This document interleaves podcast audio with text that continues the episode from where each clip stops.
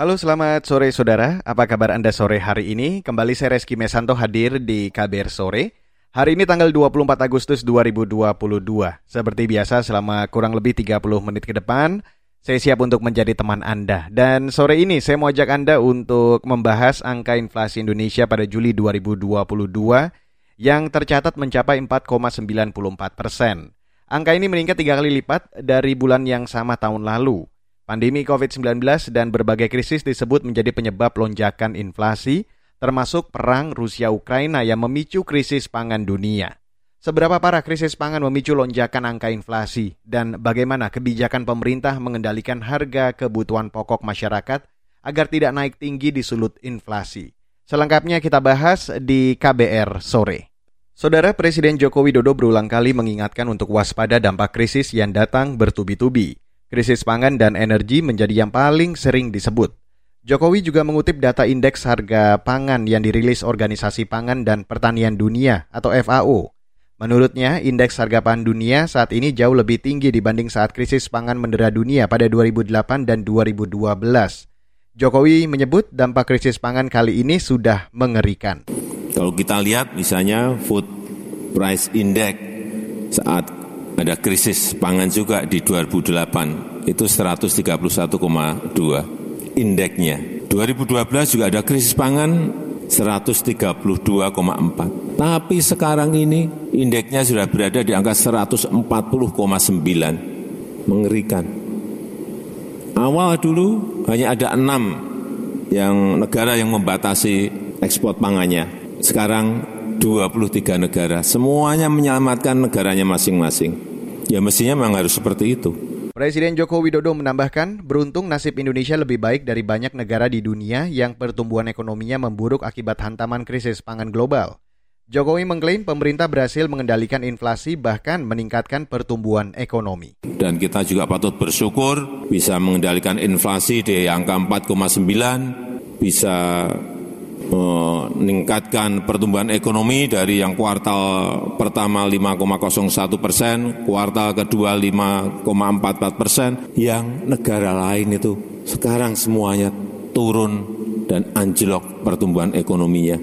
Saudara itu tadi Presiden Joko Widodo. Meski angka inflasi Indonesia meningkat, namun di kawasan negara-negara ASEAN, inflasi Indonesia masih terbilang cukup baik. Data Lembaga Riset Ekonomi dan Keuangan Global atau CIIC menyebut, pada Juni lalu, angka inflasi Laos menjadi yang tertinggi mencapai dua digit yaitu sebesar 23 persen. Disusul Thailand 7 persen, Singapura dan Filipina sama-sama 6 persen. Indonesia inflasi berada di angka 4 persen, sedangkan Malaysia dan Vietnam di angka 3 persen. Sebagai perbandingan, angka inflasi di Amerika Serikat pada Juni lalu mencapai 9,1 persen. Lonjakan inflasi di Amerika bahkan menimbulkan antrian panjang warga untuk mendapatkan sedekah bantuan sosial. Bank Indonesia mencatat angka inflasi pada Juli lalu dipengaruhi lonjakan inflasi pangan. Kontribusi inflasi dari harga pangan mencapai 10 persen lebih dari total angka inflasi yang sebesar 4,94 persen. Untuk menurunkan dampak dari tekanan inflasi pangan itu, Gubernur BI Peri Warjio menyebut Pemerintah harus gencar menggelar operasi-operasi pasar untuk mengendalikan harga-harga kebutuhan pokok masyarakat. Inflasi kita adalah sudah di atas hampir 5 persen, 4,9, 4,89 persen. Masih lebih rendah dari negara lain, tapi kita harus lihat inflasi ini. Yang paling tinggi inflasi ini kalau kita pecah adalah inflasi pangan, 10,47 persen. Mestinya inflasi pangan itu tidak boleh lebih dari 5 persen atau paling tinggi 6 persen. Ingat, inflasi pangan. Inflasi pangan itu adalah masalah perut, masalah rakyat. Dan itu langsung ke sejahtera. Ini bukan masalah ekonomi saja, masalah sosial dan masalah juga bagaimana nanti Oktober dan seterusnya itu jangan sampai ada masalah politik ini. Gubernur Bank Indonesia Peri Warjio mengingatkan, inflasi pangan terbukti semakin memukul masyarakat miskin hingga 60 persen dari komposisi pengeluaran mereka. Angka inflasi pada Juli lalu sebesar 4,94 persen merupakan angka inflasi tahunan tertinggi selama tujuh tahun terakhir. Kepala Badan Pusat Statistik BPS Margo Yuwono mengatakan, Lonjakan inflasi Juli lalu dipicu gejolak harga pangan dan berisiko besar menambah jumlah angka kemiskinan. Yang jelas, ya dengan kenaikan harga atau inflasi yang cukup tinggi ini, ya khususnya pada kelompok makanan itu pasti memiliki potensi yang besar kepada angka kemiskinan gitu ya. Karena ya untuk populasi referensi ya yang dihitung sebagai garis kemiskinan itu ya juga sangat tergantung ya harga-harganya untuk makanan. Jadi makanan itu kurang lebih 74 persen. Ya kalau harga pangannya tinggi, maka itu akan berpengaruh kepada garis kemiskinan. Ya kalau pengeluaran pendapatannya tidak naik, itu bisa menyebabkan kemiskinan semakin bertambah gitu ya. Jadi pengaruhnya cukup tinggi kepada kemiskinan gitu ya. Kepala BPS Margo Yuwono menyebut komponen pangan bergejolak atau volatile food menyumbang inflasi terbesar. Komoditas yang mengalami kenaikan harga paling tinggi antara lain cabai merah, bawang merah, dan cabai rawit. Saudara, angka inflasi yang terus naik dikhawatirkan menambah jumlah angka kemiskinan ekstrim di Indonesia. Topik ini akan dibahas selengkapnya di laporan khas KBR sesaat lagi. You're listening to KBR Pride, podcast for curious mind. Enjoy!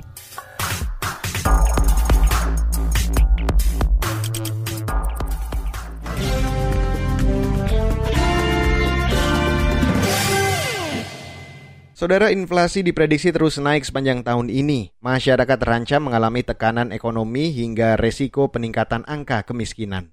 Selengkapnya saya ajak Anda untuk langsung mendengarkan laporan khas KBR yang disusun jurnalis Siti Sadida. Inflasi pada Juli lalu tercatat sebesar 4,94 persen.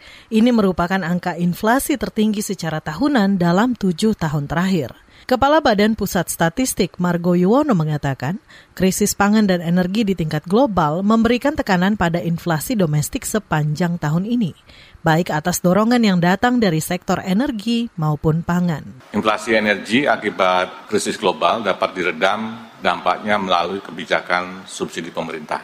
Inflasi pangan lebih disebabkan oleh gangguan suplai domestik pada komoditas volatile food akibat kondisi cuaca gitu ya. Jadi perlu saya sampaikan bahwa inflasi terus menguat dan ini faktor utamanya karena kenaikan harga energi. BPS mengingatkan tingginya inflasi yang salah satunya diakibatkan lonjakan harga pangan beresiko besar terhadap peningkatan kemiskinan. Pada Maret lalu, BPS mencatat jumlah penduduk miskin Indonesia mencapai 26,16 juta orang atau 9,54 persen dari total penduduk Indonesia. Sedangkan angka kemiskinan ekstrim mencapai lebih dari 5 juta penduduk. Wakil Presiden Ma'ruf Amin mengatakan tingkat kemiskinan ekstrim di wilayah pesisir relatif lebih tinggi dibandingkan wilayah lainnya. Jadi penduduknya yang berada di wilayah pesisir untuk yang 110,4 juta jiwa itu sekitar eh, 12,5 persen atau 1,3 juta jiwa berada di wilayah pesisir. Wakil Presiden Ma'ruf Amin mengingatkan semua pihak untuk waspada terhadap potensi kenaikan inflasi selagi krisis pangan dan energi di tingkat global masih terjadi. Kita wajib waspada karena aneka rintangan telah menghadang di depan mata.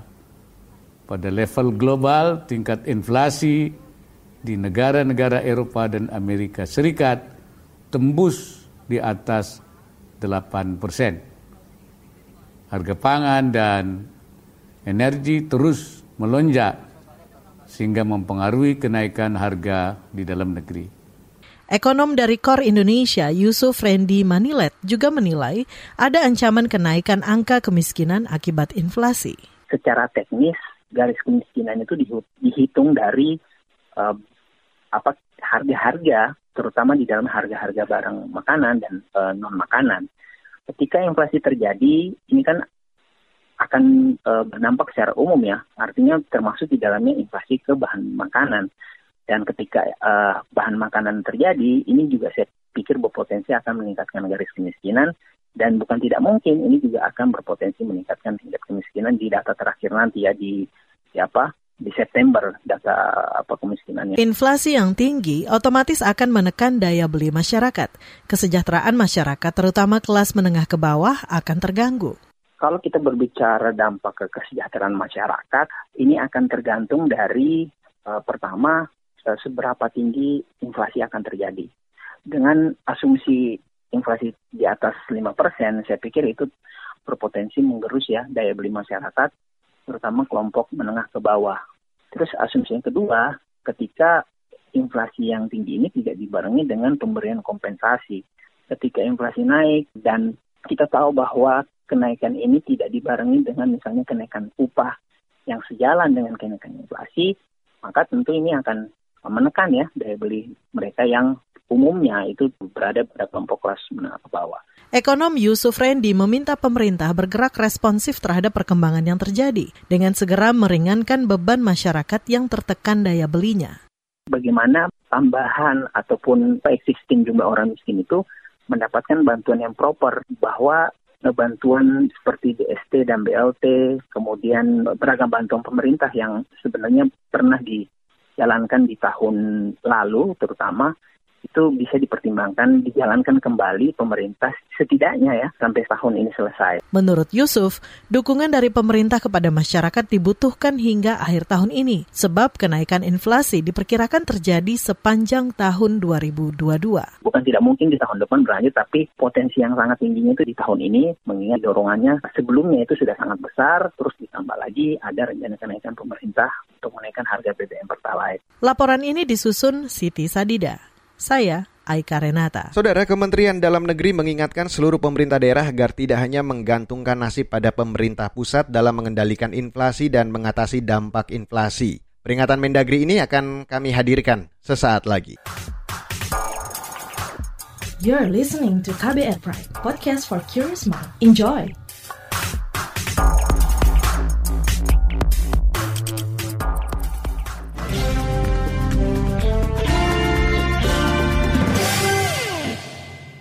Saudara pemerintah mengklaim terus berupaya mengendalikan dampak laju inflasi, salah satu caranya dengan meningkatkan kinerja tim pengendalian inflasi dari pusat sampai daerah. Menteri Dalam Negeri Tito Karnavian memperingatkan seluruh pemerintah daerah harus siap menanggung beban laju inflasi.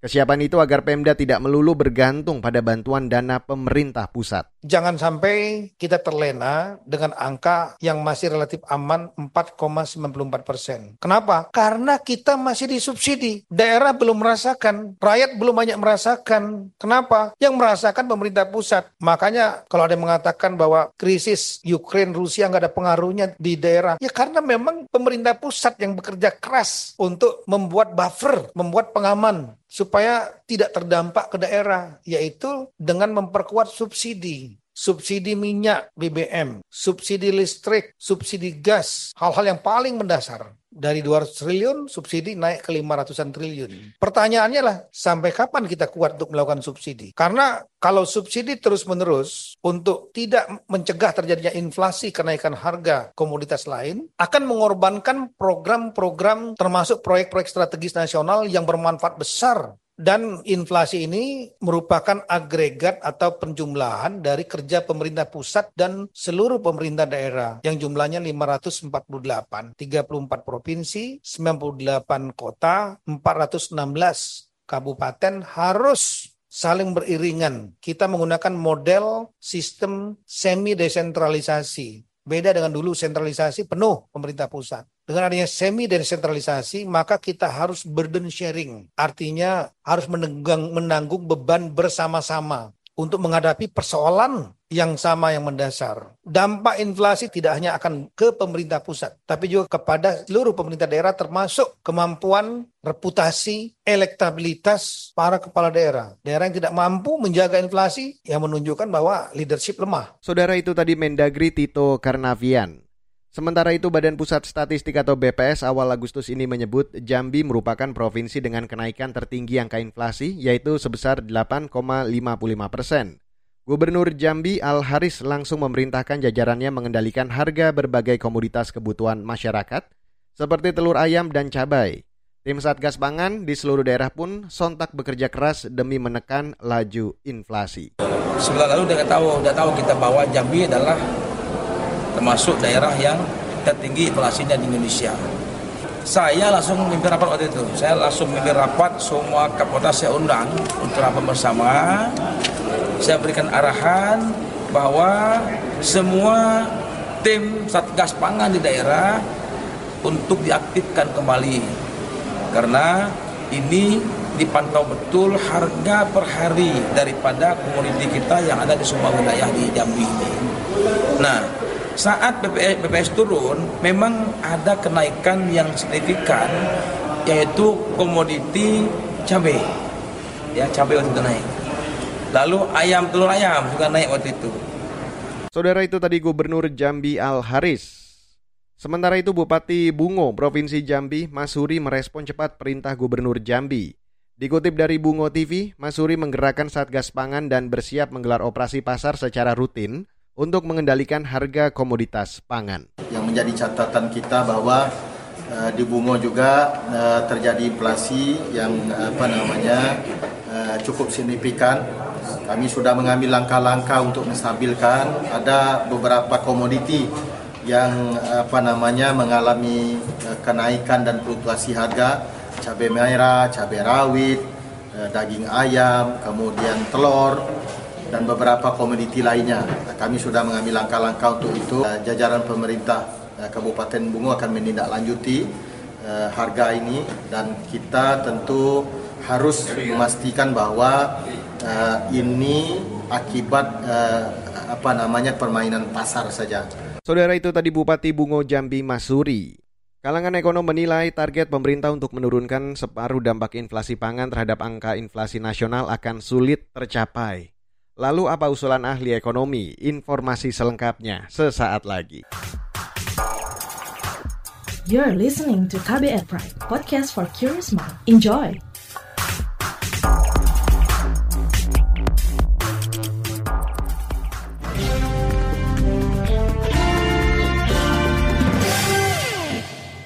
Saudara, kalangan ekonom menilai target pemerintah menurunkan inflasi pangan dari 10% menjadi 5% akan sulit diwujudkan. Apalagi pemerintah juga sudah menaikkan suku bunga acuan menjadi 3,75 persen dan muncul wacana kenaikan harga BBM subsidi. Selengkapnya saya ajak Anda untuk langsung mendengarkan perbincangan jurnalis KBR Mutia Kusuma bersama ekonom Indef Eka Puspitawati. Iya, Bu, inflasi Gimana? di tanah air kan pada Juli 2002 secara year on year mencapai 4,94 persen. Dari angka mm -hmm. itu, inflasi pangan berkontribusi cukup tinggi, yakni 10,47 persen. Apa sih Bu penyebab Betul. yang mendorong meningkatnya inflasi pangan itu? Jadi inflasi pangan itu kan uh, biasanya kalau kalau harga itu naik biasanya kan karena supply-nya ya yang tersendat gitu, supply-nya yang kurang ya.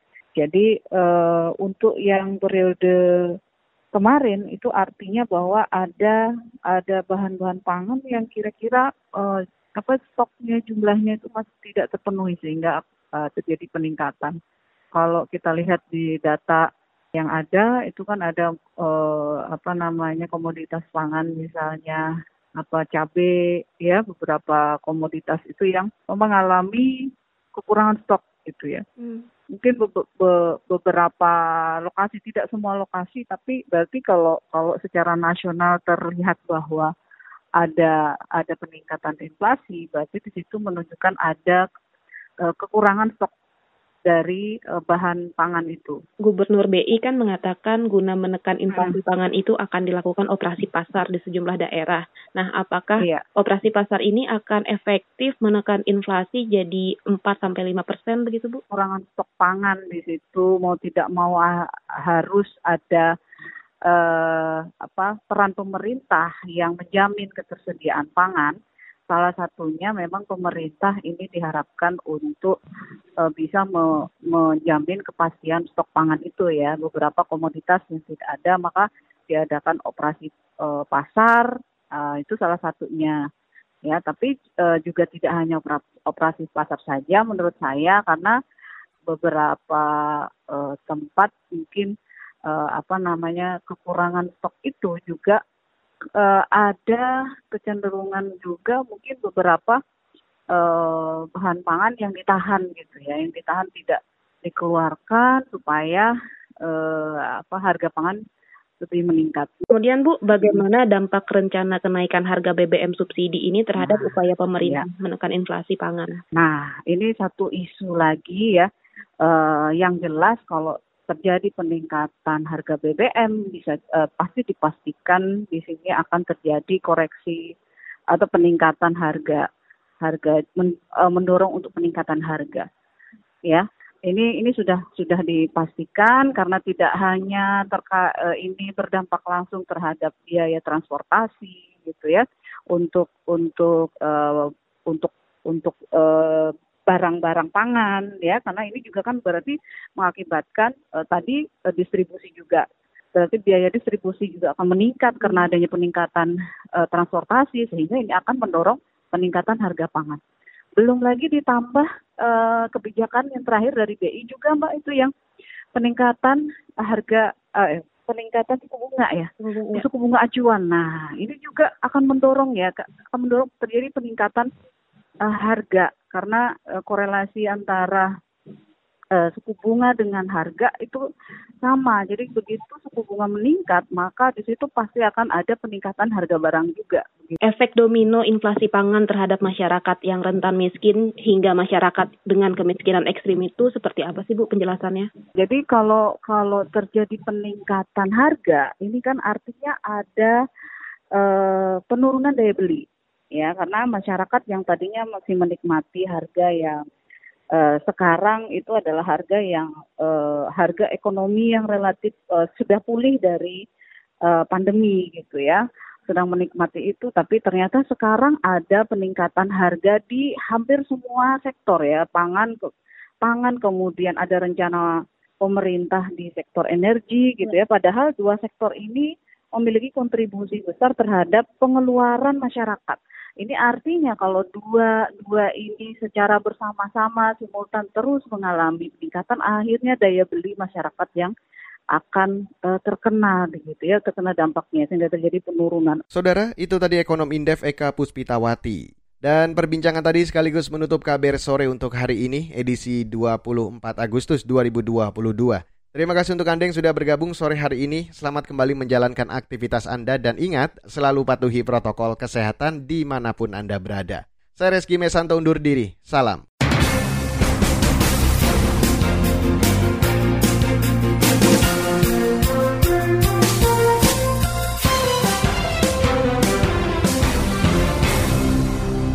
KBR Prime, cara asik mendengar berita. KBR Prime, podcast for curious mind.